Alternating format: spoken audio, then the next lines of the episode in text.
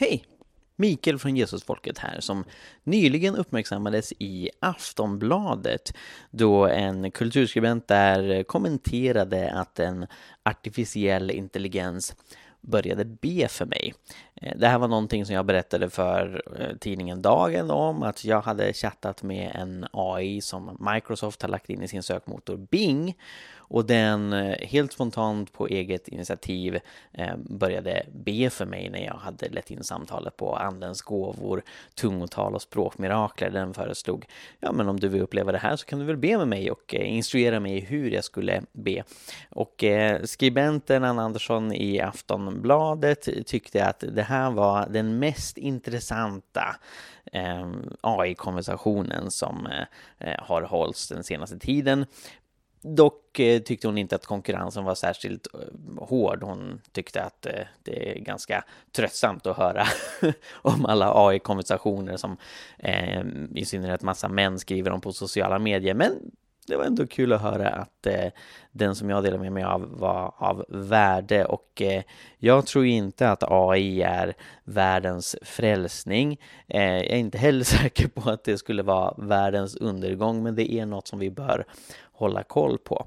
Dagens avsnitt av Jesusfolket handlar dock inte om AI. Det är säkert ett ämne vi kommer komma tillbaka till i framtiden, utan vi ska fokusera idag på det som jag pratade med den här AI om, nämligen mirakler.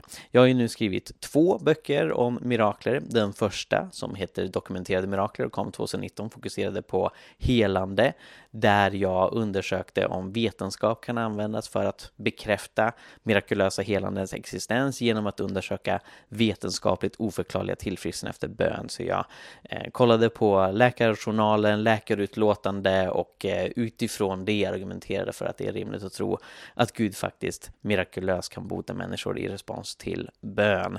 Min andra bok på ämnet kom Eh, så snart som förra året. Eh, dokumenterade språkmirakler heter den och fokuserar då på tungotal, uttydningens gåva och när människor talar eller förstår språk som de aldrig har lärt sig. Och jag ger flera exempel på det i den boken. För inte så länge sedan, faktiskt bara nu förra helgen eh, när vi släpper det här, så blev jag inbjuden till Jönköping.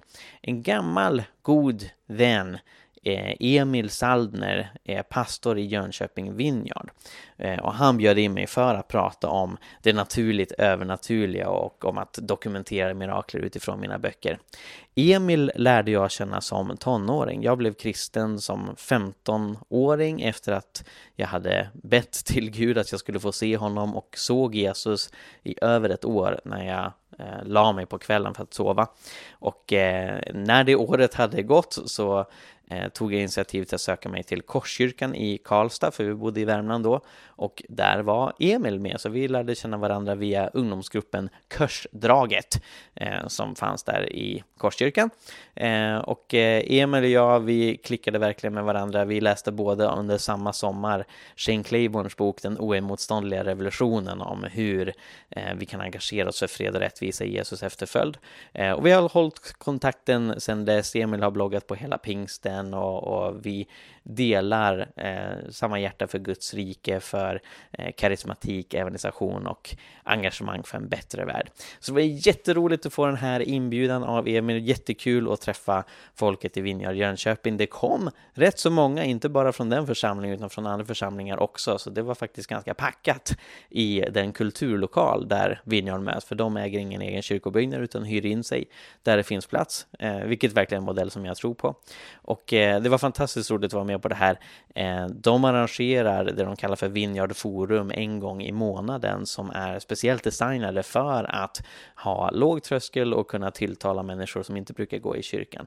Så det var på ett sådant tillfälle som jag då fick prata om det naturligt övernaturliga eh, och eh, under den presentation som jag gav så gav jag exempel på 12 stycken mirakler i modern tid, både helanden och språkmirakler som är väldigt väl dokumenterade och argumenterar för att vi eh, på goda grunder utifrån den vetenskapliga data som är tillgänglig kan faktiskt etablera att mirakler är någonting som finns på riktigt och det är någonting som vi kan använda dels för att stärka vår egen tro men också förstås för att hjälpa människor upptäcka att det finns en gud.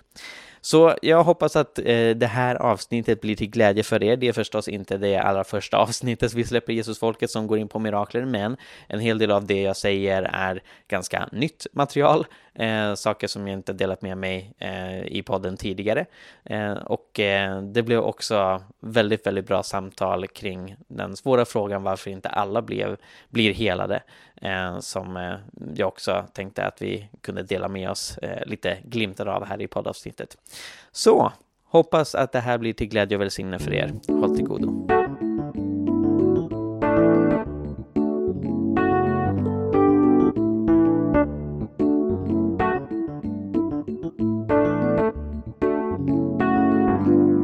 Jag är då som Emil sa en mångsysslare och har varit det i många år. Jag försöker koncentrera en hel del av mitt engagemang eh, till eh, att eh, doktorera i, i Lund eh, i kyrkohistoria. Eh, men redan innan jag började eh, jobba akademiskt där så har jag haft nördintressen Bland annat när det gäller detta med mirakler. Jag och några vänner har drivit en blogg i många år. Vi startade pingstdagen 2009. Den heter Hela pingsten. Och där finns över tusen inlägg där flera av dem handlar om just mirakler, helande, tungotal, profetia och också mycket annat i det kristna livet, fred, rättvisa, evangelisation och sådana saker.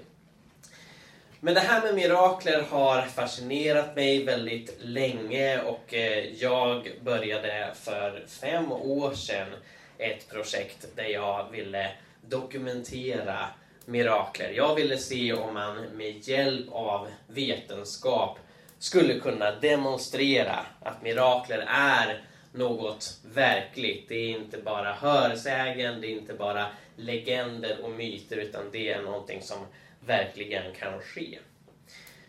Och det gjorde jag för att jag själv alltid har fascinerats av det mirakulösa. Eh, jag växte upp i en kristen familj, trodde inte själv på Gud när jag var i yngre tonåren, men hade en eh, dramatisk omvändelseupplevelse när jag var 15. Jag bad att jag skulle få se Gud. Och det vågade jag göra för att jag hade inte läst Bibeln, så jag hade inte kommit från den där passagen i Gamla Testamentet där det står att man dör om man ser Gud. Men Gud var god och eh, han har, eh, är jag övertygad om, gjort det möjligt för oss att se honom genom Jesus Kristus. Så varje gång jag la mig för att sova eh, så såg jag Jesu ansikte framför mig i över ett år. Och det var en väldigt dramatisk upplevelse för mig. Det gjorde att jag började söka mig till Korskyrkan i Karlstad där jag sen blev döpt. Men jag har ju förstås träffat en hel del som säger det där var ju en fascinerande historia Mikael, men du bara inbillade dig. Det var liksom din religiösa frenesi som, som satte igång och, och gjorde att du liksom hallucinerade Jesus varje gång du skulle sova. Vilket jag aldrig riktigt har köpt. Jag menar, det var, jag var inte så pass superreligiös att jag liksom alltid tänkte på Jesus när jag skulle kunna lägga mig. Jag kunde lika gärna tänka på Pokémon eller Ronja i 8F och så wow, dök Jesus upp. Eh, men men det, det, här var liksom någonting som påverkade min bibelläsning. Och som sagt, jag kom från en kristen familj. Båda mina föräldrar är präster. Jag hade gått i kyrkan även när jag inte själv trodde på Gud. Så jag hade väl någon slags grundförståelse av att liksom, ja, men Bibeln innehåller berättelser om det övernaturliga. Men det som verkligen revolutionerade min förståelse av Gud och Bibeln när jag själv öppnade Nya Testamentet, det var just att Nya Testamentet var så väldigt övertydligt om att Jesus inte var Stålmannen. Han var inte den enda som kunde utföra mirakulösa grejer, vilket jag egentligen hade trott. Va? Utan det nya testamentet förkunnar är att även de som följer Jesus ska få uppleva det mirakulösa. I Matteus evangeliet 10 så säger han åt sina lärjungar, bota sjuka, uppväck döda, gör spetälska rena, driv ut onda andar. Och hur ska de kunna göra det? För de är ju inte Guds söner och döttrar. Eller jo, det är de ju, men de är inte Guds son i samma betydelse som Jesus är. Jo, men de gör det inte i egen kraft. Det är den helige Ande som verkar genom dem. Och Jakob, Jesus egen bror, skriver i sitt brev att när någon är sjuk så ska man kalla på de äldste i församlingen. De ska be för den personen och trons bön ska bota den personen. Så det här är någonting som Bibeln upprepar om och om igen. Och det här gjorde mig väldigt intresserad för att om det här är Bibelns löften tänkte jag, då borde det här vara någonting som vi kan få se idag. Så jag har nu skrivit två stycken böcker där jag försöker dokumentera mirakler. En av dem heter Dokumenterade språkmirakler. Den finns längst bak där som flera av er säkert har sett. Det här är någonting som fascinerat mig i många, många år. När människor talar eller förstår språk de inte kan.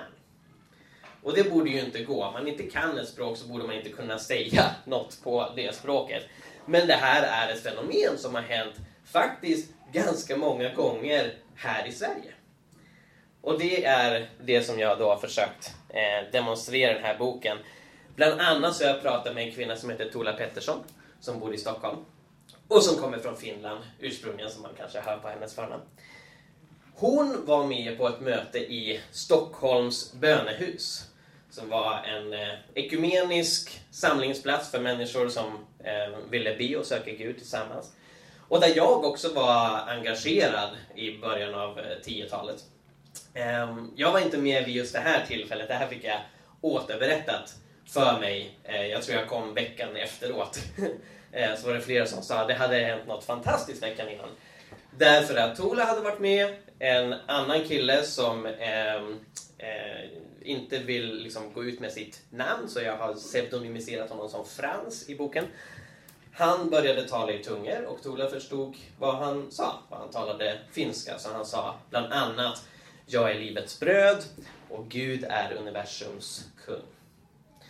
Nå, en skeptiker skulle kunna invända om man talar i tungor helt slumpmässigt och det är inte inspirerat av någon gud eller andlig kraft utan det är bara låtsasspråk som karaktärerna i Sims för de som har spelat det. I så fall så kommer man till slut säga något på något språk. För att om tillräckligt många talar i tungor tillräckligt många gånger så till slut kommer någon råka säga jag är livets bröd på finska. Jag vände mig till en bekant som heter Ola Hörser och är professor i matematisk statistik. Och jag frågade honom, vad är sannolikheten om man helt slumpmässigt bara häver ur sig slumpmässiga ljud och, och, och, och vokaler och konsonanter i slumpmässig ordning. Vad är sannolikheten att man säger Jag är livets bröd och Gud är universums kung på finska under ett och samma tillfälle? Och Ola skrev ett eget program som räknade ut detta. Jag kallar det för tungotalsappen. Så han kom fram till att sannolikheten är en på 88 non miljarder. Det är ett ganska stort tal. En non miljard är en etta med 57 nollor. Så det innebär att det är miljarders miljarder högre sannolikhet att vi blir träffade av en satellit som faller ner från rymden om fem sekunder än att fransktalande finska den här kvällen. Och sen, det blev vi inte. Va? Så rent statistiskt så går det inte att skylla det här på slumpen. Jag har också pratat med en eh, kille som heter Mikael, som är pastor i Tierp. Han berättade om flera olika språkmirakler som han har varit med om. Ett av dem inträffade i Sri Lanka för några år sedan. Mikael och några svenska vänner till honom begav sig till ett rehabcenter som de har stöttat eh, då via eh, Nordupplandskyrkan som de heter, en pingkyrka i, i Tierp, i flera år. Och det här rehabcentret drevs av en man som hette Munjo eh, som var eh, metodist och eh, hade liksom en, en varm kristen tro, men han var väldigt skeptisk till det här med mirakler. Och han tyckte att de här svenska pingstvännerna, även om man uppskattade deras pengar, eh, så tyckte han att, att deras andlighet var lite väl vild och lite väl drastisk. Och, och han, han eh, tyckte att, att, att det var lite obekvämt när de här svenskarna kom och, och betedde sig karismatiskt på deras möten. Nå, Mikael och eh, några andra då, eh, svenskar eh, var där och Mikael skulle börja hålla ett eh, seminarium, inte helt olikt det vi ägnar oss åt nu. Eh, minns inte vad det var för ämne, men något som har med Bibeln att göra. Eh, och innan Mikael hinner öppna munnen så är det någon som utbrister Lyssna på de här, de talar om Jesus på svenska. Och det var Munjo som hade sagt det. Så Mikael går fram till Munjo och säger Jag visste inte att du talade i tungor. Och jag visste inte att du kunde tala svenska när du talade i tungor. Och Munjo sa jag visste inte att jag kunde tala i tungor heller. Så trots att han aldrig hade försökt att eh, använda andliga gåvor såsom tungotal och andra gåvor så kände han en så stark känsla inom sig att han skulle yttra de här orden som han inte förstod. Så svenskarna fick ju förklara för honom. Du hade talat svenska och du hade sagt att vi ska lyssna på de här människorna.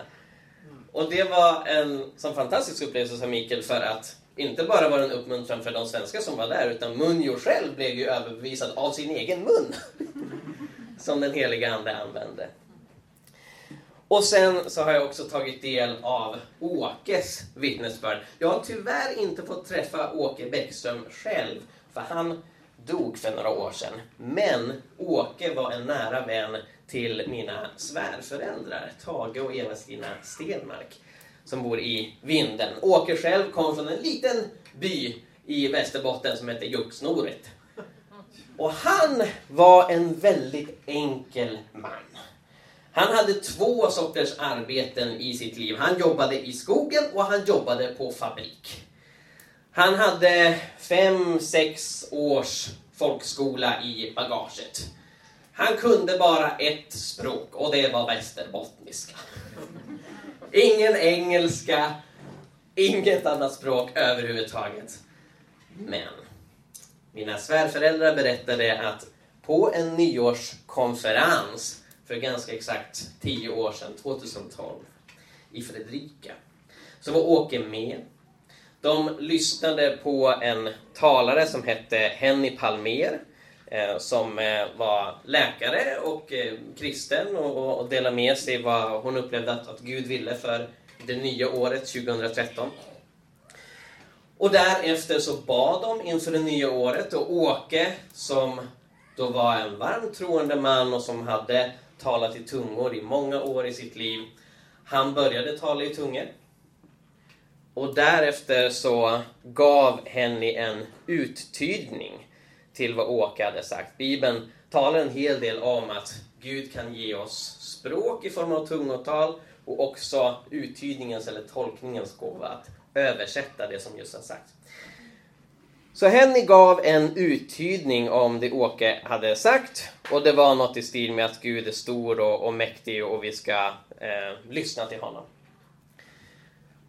Och sen efteråt, när Åke stod bredvid eh, Tage och Eva-Stina och, och samtalade, så kommer Henny fram och sa Vet du vad, när jag gav uttydningen då var det inte en övernaturlig översättning där jag liksom behövde fråga Gud först.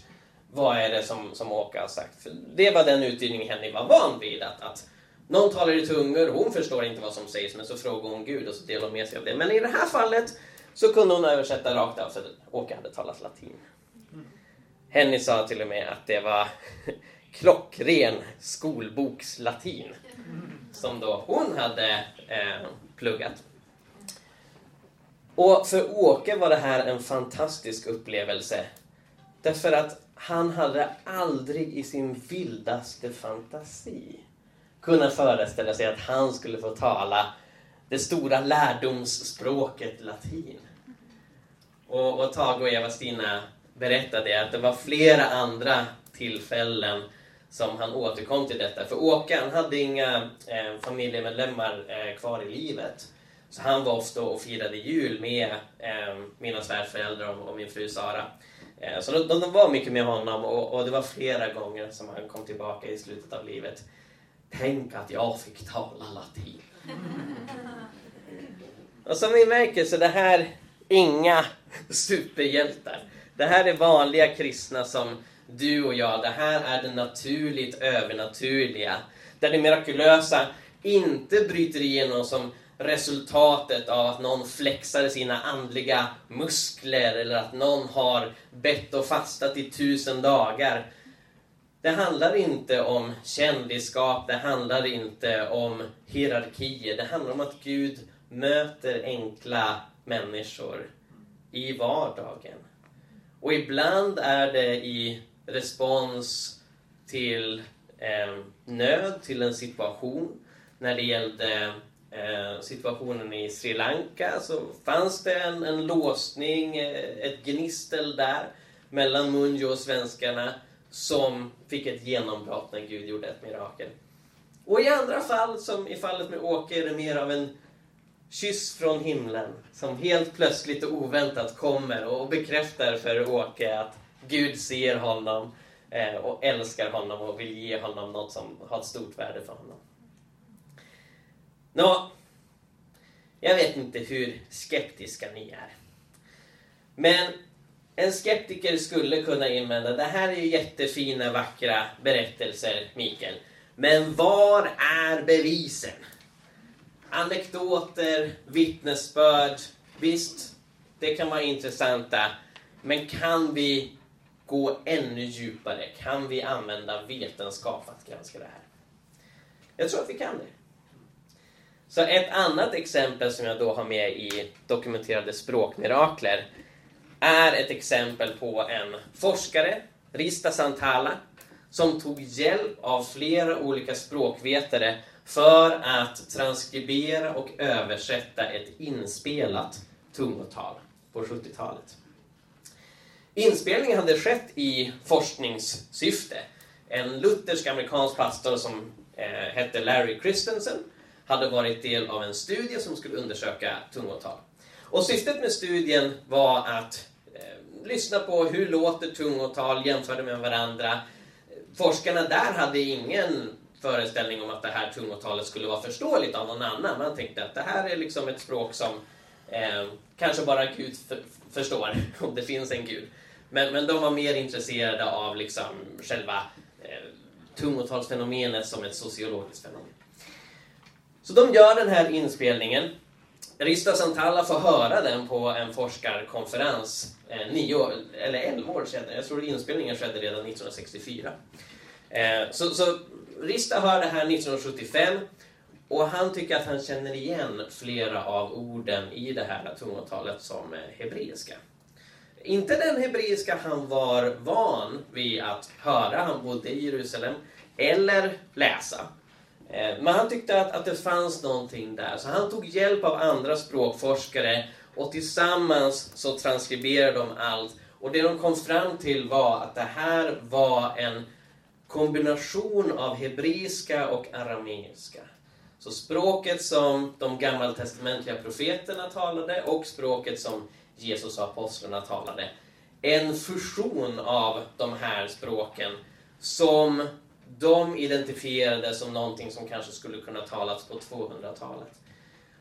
Och det de fann var att det var en fantastiskt djup och innerlig sång till Gud om Guds son. Så här kommer ett eh, utdrag av sången som eh, jag då har översatt från eh, eller jag har, jag har eh, tagit hjälp av en finsk vän, så Rista själv har översatt det till finska i en av sina böcker och så eh, har eh, eh, min vän översatt det här till svenska. Min lärare och Herre, gudomlig som Gud är gudomlig, är sårad. Du Guds upphöjde, du har fått öra, höra Jag ska välsigna bruden som är skyddad av Gud. Herren som är upphängd har förvandlats till människa. Jag hedrar dig som Herre, fullständigt gudomlig, som Gud är gudomlig. O Jesus, för mig är du som honom Gud. Jag ska välsigna dig, ära åt Gud. Larry hade tagit en kurs i hebreiska 15 år tidigare och kuggat den. och sen hade han fortsatt med sitt pastorsarbete utan att eh, ägna någon som helst energi åt att lära sig hebreiska.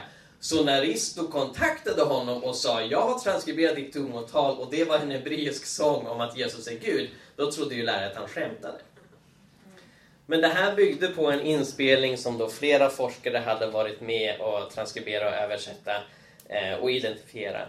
Och eh, ja, ett väldigt fantastiskt exempel på hur vetenskapen kommer in och underbygger påståendet att det finns något mirakulöst. Jag har även intresserat mig mycket för helande och när det gäller tillfrisknanden efter bön så tror jag också att vi kan använda oss av vetenskap för att visa att mirakler är något verkligt. Vetenskapligt oförklarliga tillfrisknande efter bön är en term som tar lång tid att säga. Så jag brukar förkorta det till VOTEB.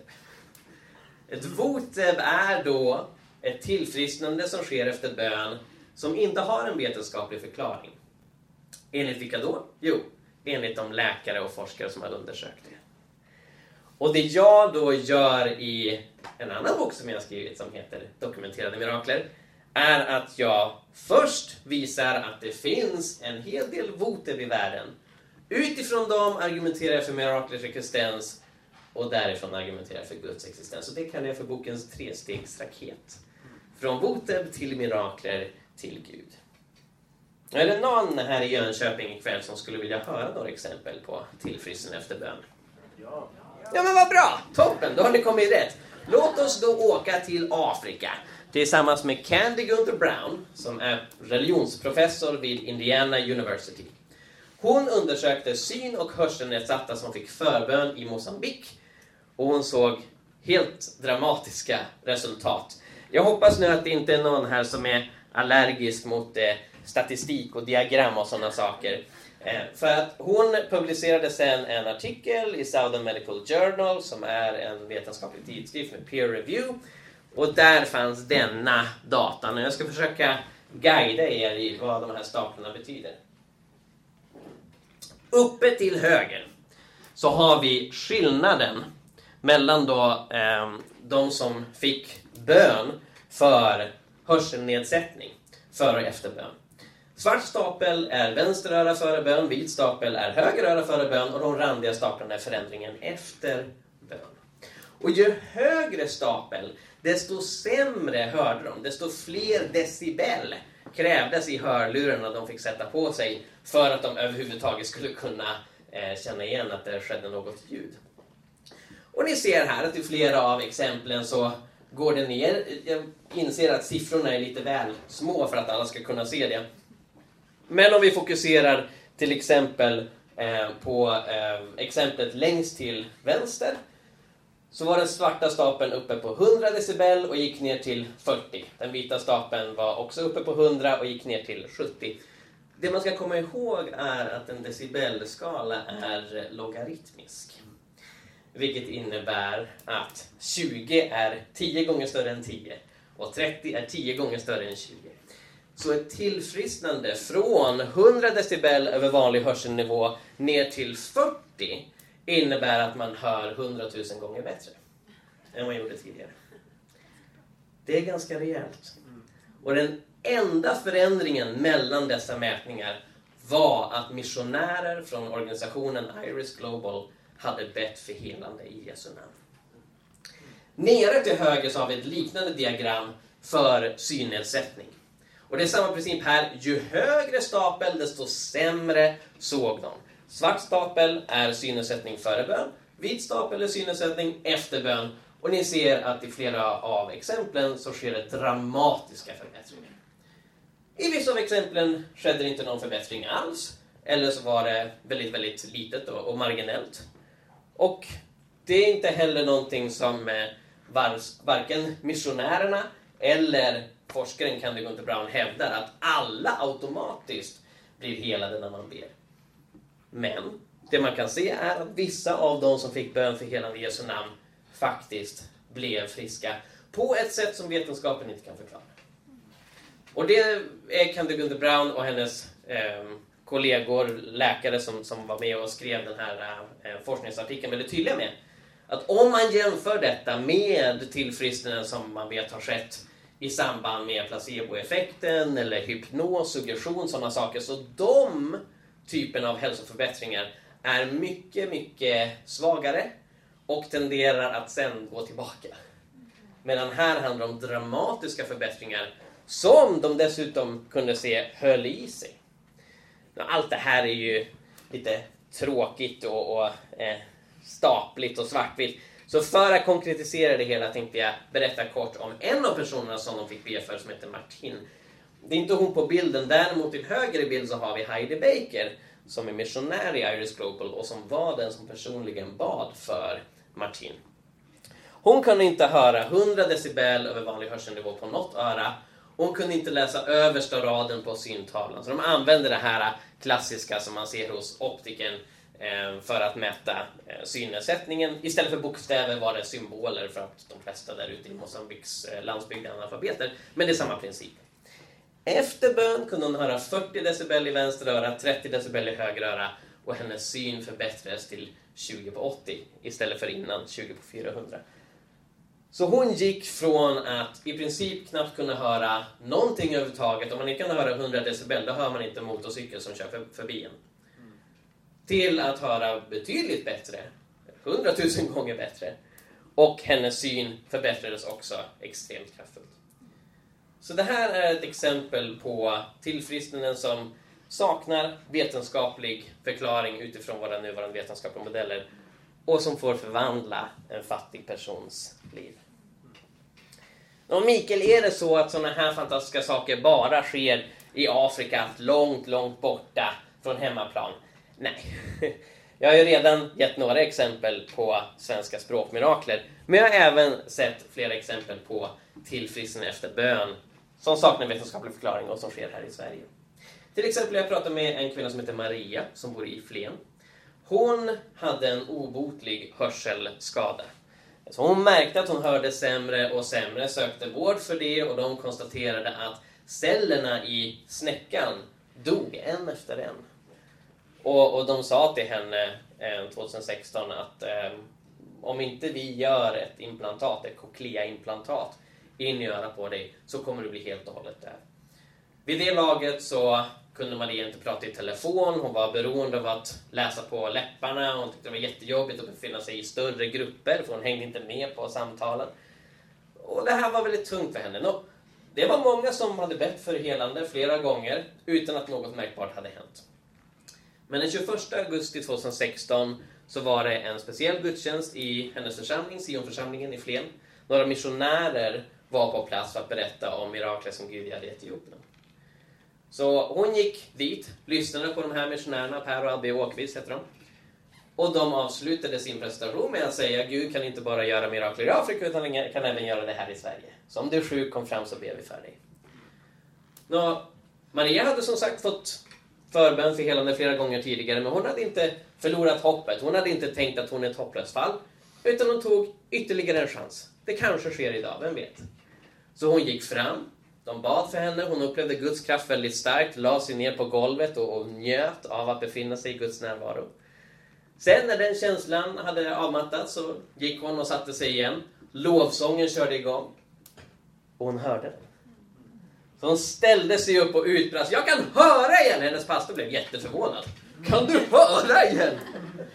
Och Marias har, som ni ser på bilden, skrivit en bok själv som heter Mitt livs mirakler. Där hon beskriver så otroligt vackert hur hon njöt av att gå hem från gudstjänsten den söndag eftermiddagen. Höra gruset under sina fötter, höra fåglarna kvittra.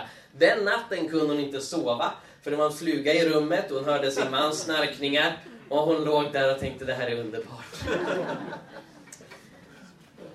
En tid senare så gick hon och hennes man tillbaka till hennes öronläkare och eh, det ni nu ska få se kallas för audiogram som visuellt uppmäter hur bra eller dåligt människor hör som audiologer och öronläkare använder sig av.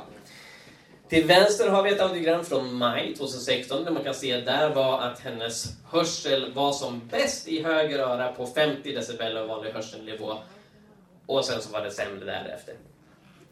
Däremot till höger så ser vi hennes audiogram från september samma år där hennes hörsel är på normalnivån för kvinnor i Marias ålder. Så hon fick inte superhörsel, hon började inte höra som Stålmannen. Eh, men hon hade i princip samma hörsel som hon hade innan hon hade blivit sjuk. Och det räckte för att förbluffa öronläkaren. För om ni minns, anledningen till att Maria höll på att bli döv var att cellerna hade dött. Och det öronläkaren beskrev var att jag förstår inte varför, men dina celler har kommit tillbaka till liv. Jag har ingen medicinsk förklaring för detta. Du kan kalla det ett mirakel. Det var vad läkaren ordagrant sa till Maria. Jag pratade med en kille som heter Jens som bor i Umeå. Eh, fotbollsproffs. Har varit lagkapten för Umeå FC i flera år. Eh, och eh, tacklades en eh, vanlig match. Tuppade av. Tänkte att det var en hjärnskakning, att han skulle ta en lugn kväll därefter. Men det var inte en hjärnskakning, utan det var en hjärnskada. Så han fick komma till neurorehab på Norrlands universitetssjukhus. Fem specialistläkare vårdade honom. Och Jens är en fighter. När han kom dit så, så, frågade han Vem är det som har rekordet i att bli frisk från detta? Jag ska klå det rekordet. Varav läkarna behövde förklara för honom att Jens, vi uppskattar din kämparglöd. Men det här är inte någonting man blir frisk från. Utan vi ska hjälpa dig på de sätt vi kan att kunna ta dig runt och anpassa dig efter det som är din nya realitet. Men du kommer aldrig kunna spela fotboll igen. Och den här hjärnskadan eh, gav Jens en fruktansvärd hjärntrötthet. Han var tvungen att sova omkring 12 timmar varje natt. Han kunde inte lyssna på musik. Han kunde inte kolla på film. Han kunde inte gå på restaurang, gå till kyrkan. För att allt det där överbelastade honom. Intrycken av vardagssituationer var för mycket. Utan han spenderade de flesta dagar i sin mörka, mörklagda lägenhet med så få intryck som möjligt. Fruktansvärt jobbigt för honom. När han hade varit sjuk i eh, åtta månader eh, så visste han att eh, damlaget i Umeå sökte en coach. Han lyfte det här med sina läkare. Han sa, jag förstår att jag aldrig kommer kunna spela fotboll igen, men skulle inte kunna prova att sitta vid sidan av spelplanen och ge coachningstips till eh, damlaget. Eh, det skulle betyda så mycket för mig att komma tillbaka till fotbollen på något plan. Läkarna sa till honom, det låter överambitiöst, men vi vet hur mycket det här betyder för dig, så, så ge det en chans. Så två månader senare, han hade varit sjuk i tio månader, det var nu februari 2014, så åkte han på sin första träningsmatch tillsammans med damlaget. Och då fick han ett sms från sin vän Lydia. Jag har pratat både med Jens och Lydia. Lydia var övertygad om att Jens skulle bli frisk. De var med i samma församling. Lydia hade bett länge för Jens. Hon hade blivit lite frustrerad på Gud. Gud, han är fortfarande inte frisk. Vad håller du på med? och hon, som hon bara visste att idag är dagen Jens blir frisk. Så det var det hon skrev i smset. Hej Jens! Idag är det din dag. Kom till kyrkan så blir du helad. Väldigt trevligt sms att få.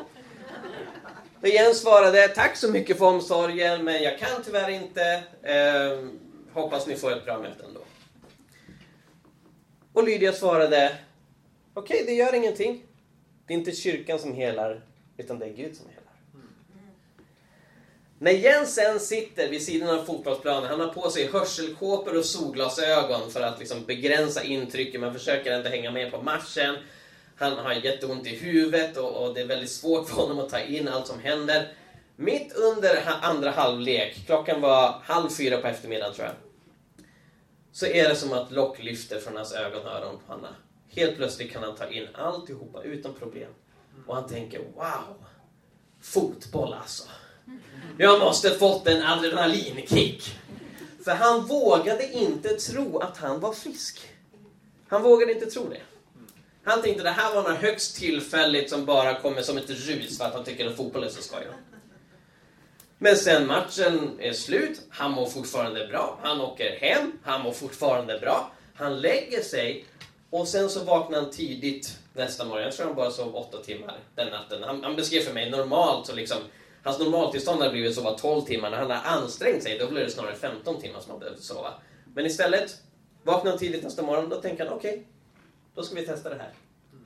Så på förmiddagen så hjälper han till i sin pappas verkstad, han äter lunch på restaurang med sin flickvän, han lirar fotboll med en kompis på eftermiddagen, åker hem, lagar mat, har en löptur och så lirar han lite mjuktennis med en annan kompis på kvällen. Lägger sig klockan 11, vaknar 8 nästa morgon och då tänker han, jag har blivit helad. Följande torsdag, fyra dagar senare, så har de ett möte i eh, Jens församling. Och han hade ju inte kunnat gå till kyrkan på flera månader för att eh, intrycken hade varit för, för mycket för hans hjärna att hantera. Men han kommer dit, Lydia är där. Hon blir så glad av att se honom. Jens, hur mår du? Jag mår bra och jag har en fråga till dig. När var det som ni bad för mig i söndags? Halv fyra. Samma tid som Jens hade blivit frisk. Flera kilometer därifrån. Jag har läst om Benedicta McCarthy och tagit del av eh, den, den eh, vetenskapliga rapport som hennes läkare gjorde. Hon svalde massa paracetamol. 16 gånger den dödliga dosen.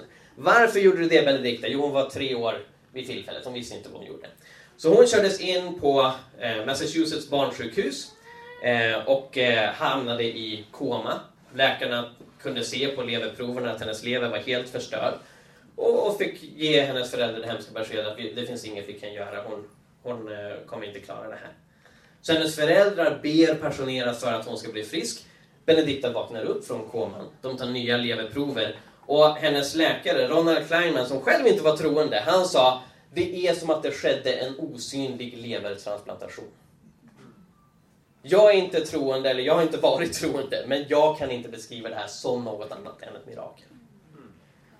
Jag har intervjuat Elise Lindqvist, som kallas för Ängeln på Malmskillnadsgatan, gjort ett fantastiskt socialt arbete i Stockholm för utsatta människor, i synnerhet prostituerade. Hon hade cancer, hon diagnostiserades med obotlig cancer i slutet av 90-talet gick på helande gudstjänst i Sankta Clara kyrka där det var en eh, anglikansk präst eh, som hette Mark som talade om helande och även bad för helande. Eh, och Elises cancer fanns bland annat som en stor tumör i ryggen. Så hon går fram, de ber för helande, hon känner Guds kraft komma över henne, lägger sig på rygg på stengolvet i Klara kyrka.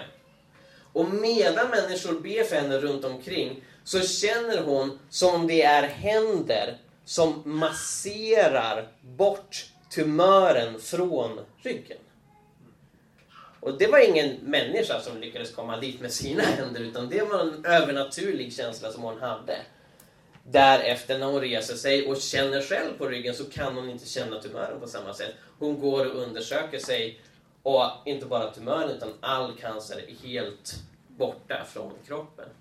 Så hennes läkare blev otroligt fascinerad av detta. Han sa att det finns ingen vetenskaplig förklaring för detta överhuvudtaget som jag känner till. Så hon fick sen komma när han undervisade läkarstudenter och sa ja, nu ska jag prata om att det sker saker i sjukvården som vi inte kan förstå. Välkommen Elise och berätta om ditt mirakel. Jag har pratat med en amerikan som heter Ben som eh, blev påkörd vid sju års ålder av en bil.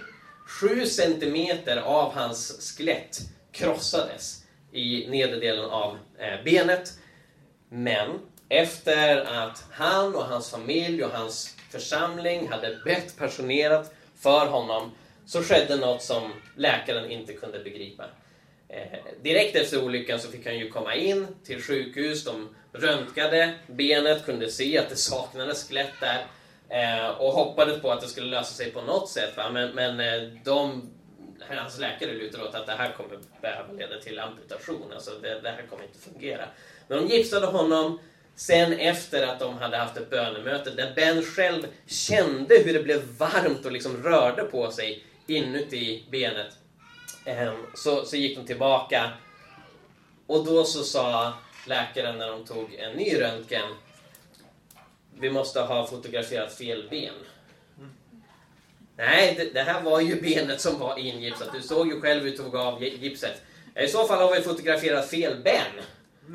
För det här kan inte vara samma pojke som tidigare. Grejen är, och det är kanske någon som har erfarenhet av, av brutna ben. Grejen är att man kan ju se på röntgen att ett ben har varit brutet. Även om det läker sig av sig självt. Medan det vi ser till höger är ett ben som aldrig har varit skadat överhuvudtaget.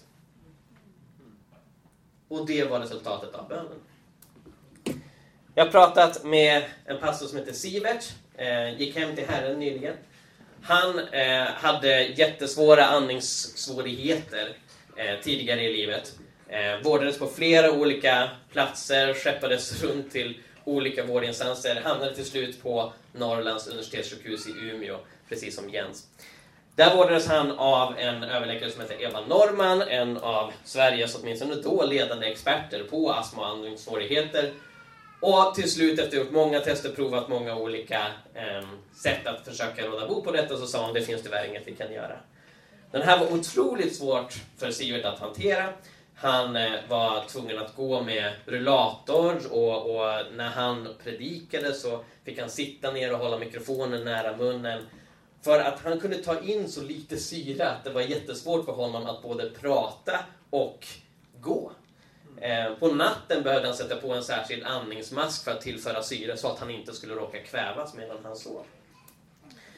Men Sivert åkte på bönekonferens i övre Sopporo. Och då vet man att man är norrut om man tar sig till övre Sopporo. Så han åker dit. Han hade förvarnat dem. Jag har jättesvår astma. Eh, det får inte vara något tända ljus. Det får inte vara parfymer och så vidare. Och, och det ville man ju förstås respektera, men det hade blivit något fel. Så de lakan som fanns i Siverts säng var tvättade med parfymerat tvättmedel. Så den natten var en riktig pina och plåga för honom. Och dagen efter går han till några vänner som är på bönekonferensen och säger Jag står inte ut med detta längre. Jag vill att ni ber för mig. Så de bad för honom och ingenting hände. De bad igen. Han kunde andas. Han hade med sig en liten mojäng som testade lungkapaciteten, så han använde den, kunde se att han hade fullständigt normal lungkapacitet. Så då satte han igång och tände ljus. Och när han sen kom hem, då började han skotta snö. Och han sa till sin fru, kom så ger vi oss ut i slalombacken. Och hon tänkte, vad är det som har hänt? Inte bara hon blev fascinerad, utan grannarna sa liksom, vad är det som har hänt med Sivert? Och de fick vittna om Jesus har gjort ett mirakel. De fick säga det till läkaren också. Och överläkaren Eva Norman skrev i journalen, han har bett till Gud och fått hjälp av Jesus och har inga besvär längre. Vetenskapligt oförklarligt tillfrisknande efter bön. Och så har jag också pratat med Bengt, som precis som Maria bor i Flen. Han fick också cancer.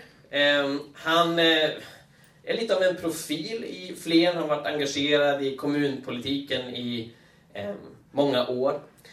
Och eh, när eh, människor fick reda på att han hade fått obotlig bukspottkörtelcancer så var det jättemånga som bad för honom.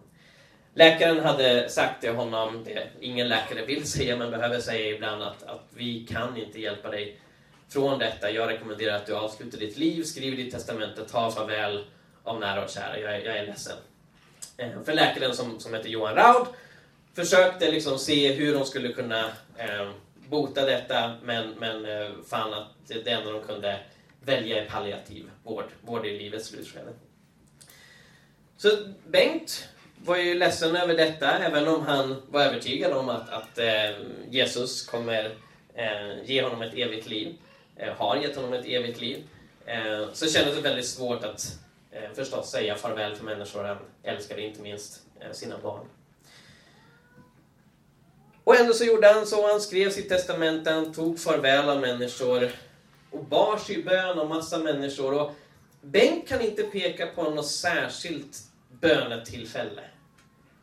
Utan för honom så var det naturligt övernaturligt. Han gick tillbaka till sjukvården, eh, om det var sjukhuset eh, i Västerås tror jag. Eh, för att vårdcentralen i Flen var för liten. Men i vilket fall, han, gick tillbaka dit för en rutinkontroll och all cancer var borta. Så, ehm, jag vet inte om jag nämnde det tidigare, men jag har ju då fått se journaler från Maria, från Jens och även då från Bengt. Jag har eh, återgett detta i eh, boken och eh, förstås tagit bort eh, Eh, personliga uppgifter och sånt där. Men det man kan se här, det är lite litet kanske, det är att i juli 2003 så konstaterar de cancer, eh, tumör i pankreas, i bukspottkörteln och även metastaser som sprider sig vidare till levern. Några dagar senare så sätter de in palliativ cytostatika. Så det är inte cellgifter som förväntas kunna råda bot på cancern utan som förmildrar Eh, den så att det blir mindre lidande i livets slutskede. Men sen i september så kunde man inte se någon eh, cancer överhuvudtaget eh, kvar i kroppen. Och då läkaren Johan Raud, han kunde inte alls se att den här palliativa vården de hade satt in var orsaken till att han hade blivit frisk. Utan han sa, det här framstår för mig som helt mirakulöst. Men Bengts historia är inte komplett om jag inte också berättar om hans dotter, vilket han vill att jag ska göra. Bengts dotter hade också cancer. Och de bad för henne. I församlingen, många vänner bad för henne, men hon dog. Och jag frågade Bengt, vad tänker du kring det? Han sa, högst förståeligt, det är svårbegripligt. Men han hänvisar tillbaka till det här att han var inte rädd för döden i sig. Och han är inte orolig för sin dotters skull, för han är övertygad om att hon är med Jesus nu. Och de kommer återse varandra och få leva i evigheters evighet tillsammans tack vare det Jesus gjorde på korset. Men det svårbegripliga är ju, varför räddades han till livet och inte hon? Hon som var yngre, hade många fler år framför sig. Allt han visste var att när han hade bett för sin egen överlevnad så var det främst med åtanke att han skulle finnas kvar för henne. För redan då var hon sjuk. Redan då hade de upptäckt cancern, även om den var längre pågången då i, i Bengts kropp. Och han fick vara kvar med henne till hennes slut på den här jorden. Men naturligtvis ville de att hon skulle få uppleva samma mirakel som Bengt. Så jag tänker att detta leder oss ganska naturligt in på frågan som jag väldigt ofta får när jag är ute och pratar om de här ämnena. Varför blir inte alla helade? Och jag skulle vilja att ni vänder er till varandra runt borden och prata några minuter med varandra. Vad tror ni det är som gör att inte alla upplever dessa mirakulösa tillfrisknanden? När uppenbarligen vissa gör det. Vissa upplever tillfrisknanden som vetenskapen inte kan ge någon förklaring på i respons till bön. Och andra människor som folk kanske ber ännu mer för, de upplever det inte. De kanske till och med dör i sjukdomen som man har bett att de ska bli friska från. Vänd er till varandra, prata några minuter om det, så kommer vi sen.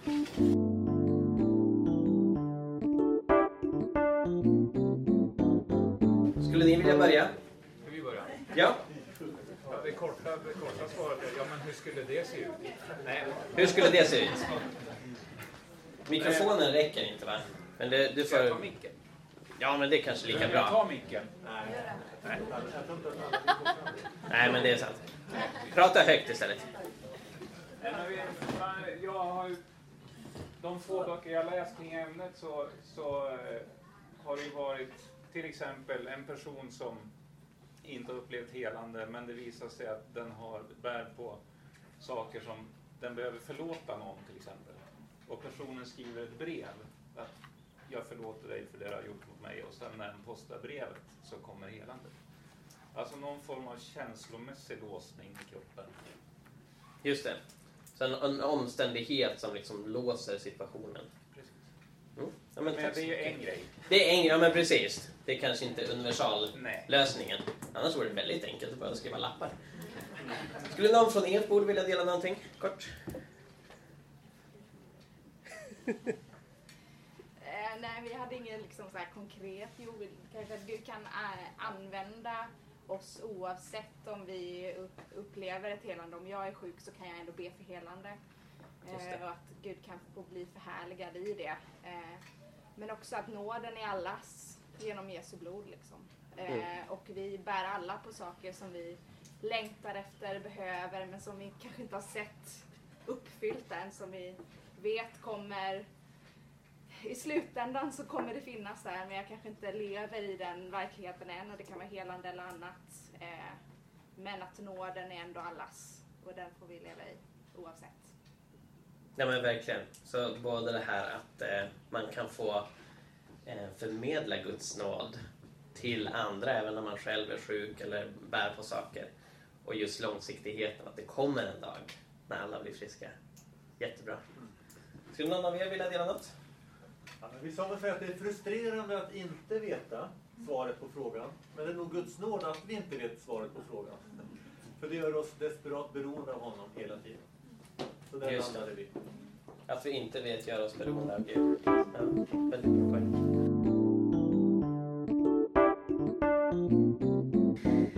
Jag tänkte eh, binda ihop detta innan vi går in på en liten frågestund med att påpeka att även om jag då i dokumenterade mirakler har eh, 50 exempel, lite över 50 exempel på sådana här vetenskapligt oförklarliga tillfrisknanden så är det inte på något sätt de enda exemplen som kan ges förlaget ville ha en bok att ge ut. Jag kunde liksom inte sitta och skriva den hur länge som helst. Faktum är att det gjordes en studie 2004 i USA som visade att 55% av amerikanska läkare har sett vetenskapligt oförklarliga tillfrisknanden. Och ännu fler, eh, två tredjedelar, uppmanar sina patienter att be och eh, är övertygade om att mirakler sker idag. 55% av USAs läkare motsvarar ungefär en halv miljon läkare. Så det här är ett verkligt fenomen, tillfrisknande, som man inte kan se någon vetenskaplig förklaring till. Och då finns det förstås en del eh, ateister och naturalister som hävdar att ja, men, anledningen till att vi inte ser någon vetenskaplig förklaring det är att vår vetenskapliga kunskap är begränsad. Det finns någon naturlig förklaring ute där någonstans, vi har bara inte upptäckt den än. Det var till exempel vad Christer Sturmark, som var tidigare ordförande för Humanisterna och en av Sveriges mest kända ateister, sa till mig när jag satte mig ner med honom inför skrivandet av min bok.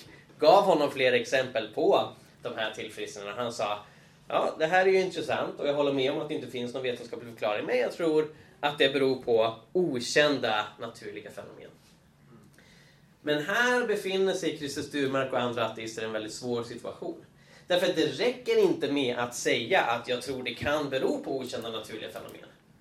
Jag är också öppen för att visst, vissa tillfrisknanden som vi inte ser någon vetenskaplig förklaring på idag, vi kanske hittar en vetenskaplig förklaring i framtiden, jag är öppen för det. Men det en ateist måste säga är att alla dessa vetenskapligt oförklarade tillfrisknanden beror på okända naturliga fenomen. Och det finns det väldigt många problem med, som jag går in på i djupare detalj i boken. Bland annat så är det ett problem att det är så pass många olika sorters tillfrisknanden. Christer Sturmark skulle ha en betydligt enklare situation om det bara var döva människor som fick hörseln tillbaka. Att om det var de enda vetenskapligt oförklarliga tillfrisknanden vi såg, då skulle man kunna säga att ja, men det kanske finns något där ute som inte upptäckt än som gör att döva människor får sig tillbaka spontant.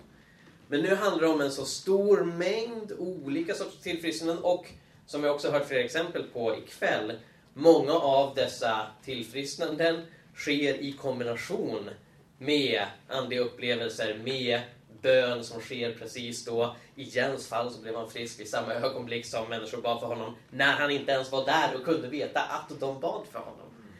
Allt det gör att ateismens förklaring stretchas ut mer och mer och det blir allt mer logiskt och rationellt att säga att mirakler finns som en slutsats av de vetenskapliga data vi har om det här. Om man vill fördjupa sig mer i detta så finns det som sagt böcker kring detta. Eh, och på hemsidan dokumenterademirakler.se så kan man också ta del av flera av dessa exempel som jag lagt upp som blogginlägg. Eh, så de kan man också liksom sprida till folk och, och, och tipsa om. Det finns en podcast som heter Dokumenterade Mirakler som jag spelade in med Sveriges Kristna Radio för några år sedan. Eh, tio avsnitt där jag bland annat intervjuar Maria och Jens och några fler där de själva med egna ord beskriver eh, vad de har varit med om. Och den första boken, Dokumenterade Mirakler om helande, finns också som eh, ljudbok eh, som man kan eh, kolla upp om man föredrar att lyssna snarare än läsa. Men nu är jag nyfiken på om det har dykt upp frågor, funderingar, invändningar, sågningar eller uppmuntran under kvällen. Eh, så vi kan väl eh, köra klassiska handuppräckningar om folk vill ställa mig eh, mot väggen. Får vi se om jag kan svara på det ni har att säga. Eller förtydliganden, det, funkar också. Ni får vara snälla.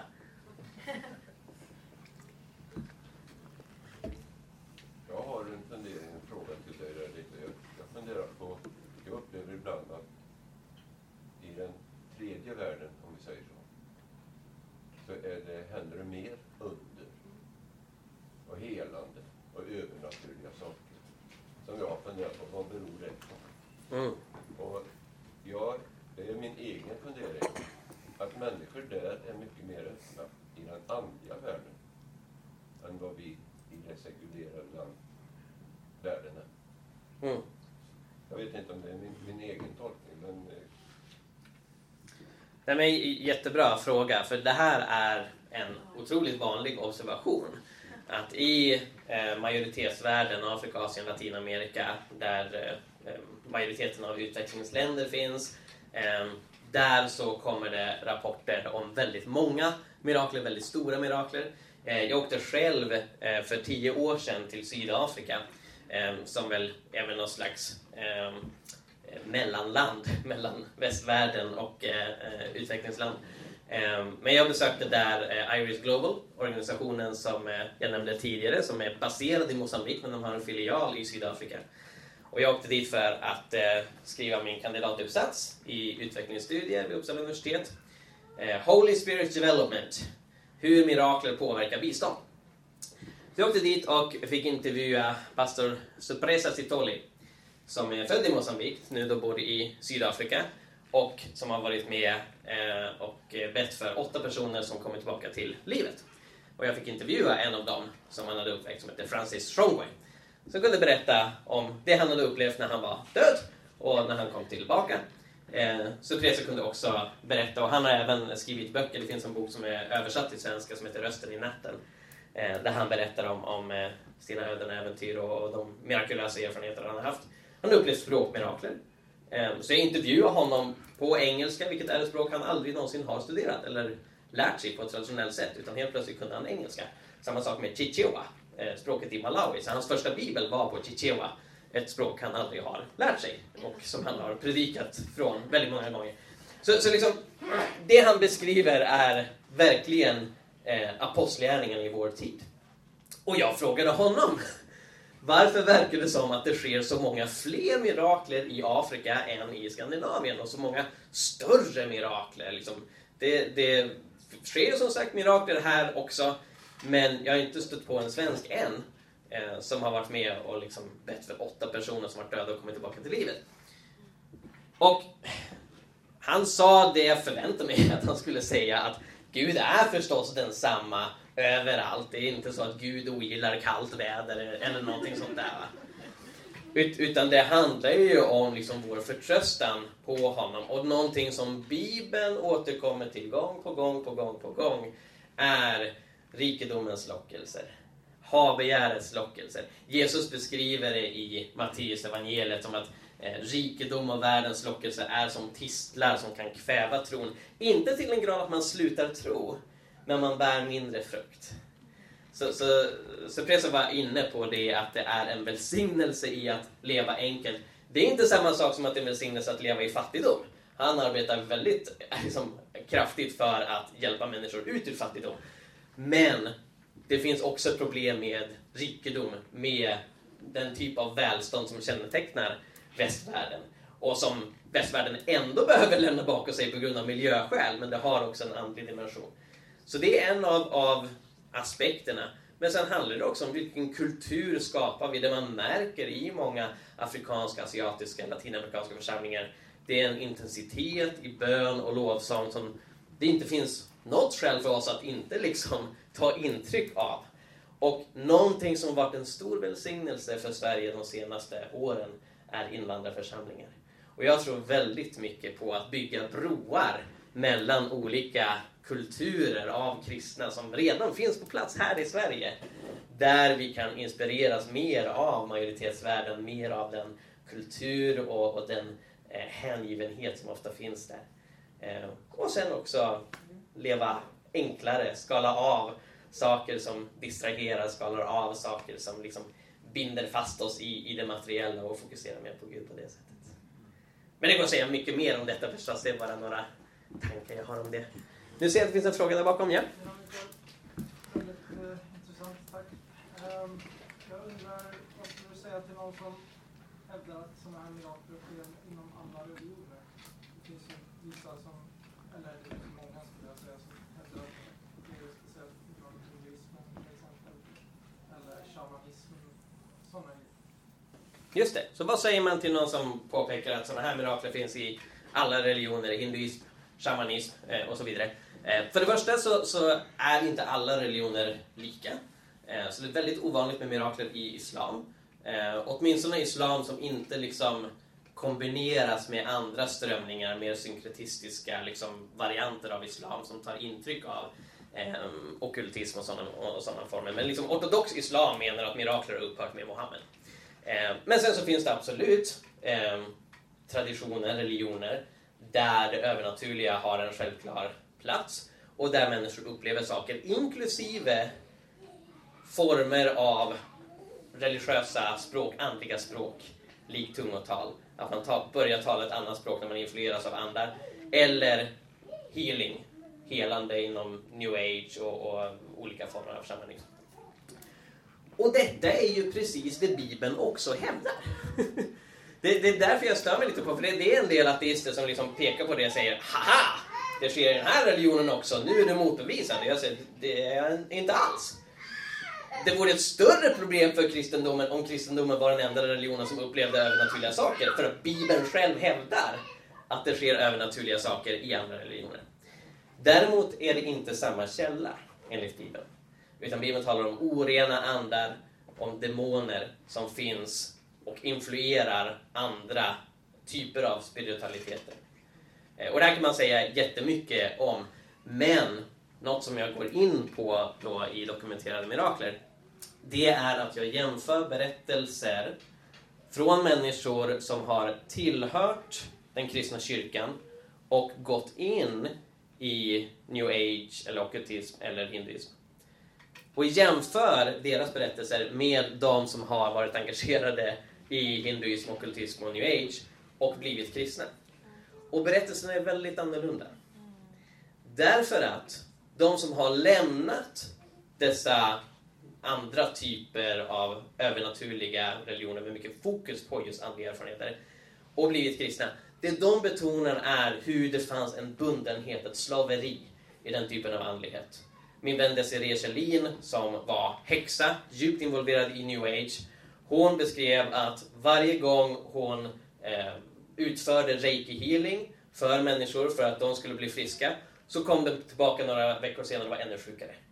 Hon själv blev otroligt förstörd ju mer hon involverade sig i både reiki, wicca, kundalini, eh, till den grad att hon beskriver hur, hur hon såg ut nästan som Ehm, de, här bild, de här hemska bilderna på, på människor som kom ut från förintelselägren när, när andra världskriget var över. Eh, hon var alldeles benig, alldeles eh, grå i huden i princip. Och när hon gick till sjukhuset och undersökte sig så sa de vi kan inte se att det är något fel på dig. Men alldeles uppenbarligen är det det. Så det fanns en bundenhet där medan när hon då tog emot Jesus och fick uppleva Andens gåvor där så fanns det en frihet, en kärlek och en frid som hon inte hade erfarit tidigare. Även om det fanns övernaturliga aspekter i båda så var det av helt olika moraliska art. När jag läser och lyssnar på vittnesbörd från människor som har gått åt det andra hållet, som har tillhört den kristna kyrkan och gått in i new age eller ockultism och sådana saker, då har jag aldrig hört någon som säger att den heliga ande var väldigt bindande och hemsk och eh, gjorde att jag blev sjukare eller något sånt där. Utan det man klagar på är oss kristna. Det man klagar på är kyrkan. Man klagar på liksom att, att där fanns det bundenhet. Och, och ja, det kan absolut finnas och det är en sorg, för Jesus vill inte det. Va? Men man lägger inte skulden, i min erfarenhet, på den andliga kraften i sig för att den heliga Ande är en god ande. Och där tycker jag mig se liksom ett argument, inte bara för liksom att det övernaturliga finns, utan för att också söka sig till just Jesus istället för de här andliga konkurrenterna. Men i konversation med en ateist, med en skeptiker som menar att det inte finns något övernaturligt alls, så den personen får ju bara värre om han eller hon försöker etablera att det sker massa övernaturligt i andra religioner också. De får inte något enklare liksom, situation att hantera, utan helt plötsligt behöver de hantera inte bara min bok, utan också massa andra exempel. Så, så i grund och botten, det mirakulösa argument för Guds existens som jag försöker presentera i de här böckerna är religionsneutralt i sig. Även om jag har kristna exempel, för det är det jag kan bäst, så man kan lika gärna peka på ett övernaturligt fenomen i en annan religion och mena att okej, okay, det här måste innebära att det finns en övernaturlig dimension, vilket måste innebära att det finns en gud någonstans.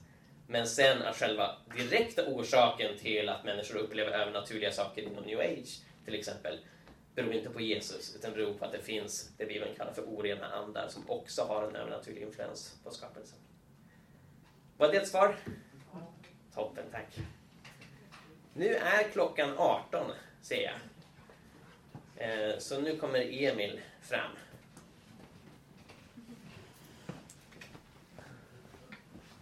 Ja. Nu är jag glädjedödaren här och sätter punkt. Nej men, eh, tack Mikael. Kan vi ge honom en applåd?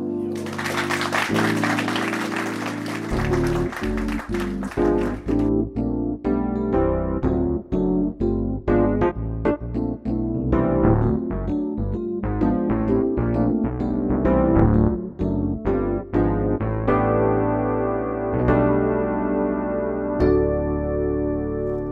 för att du lyssnar på Jesusfolket.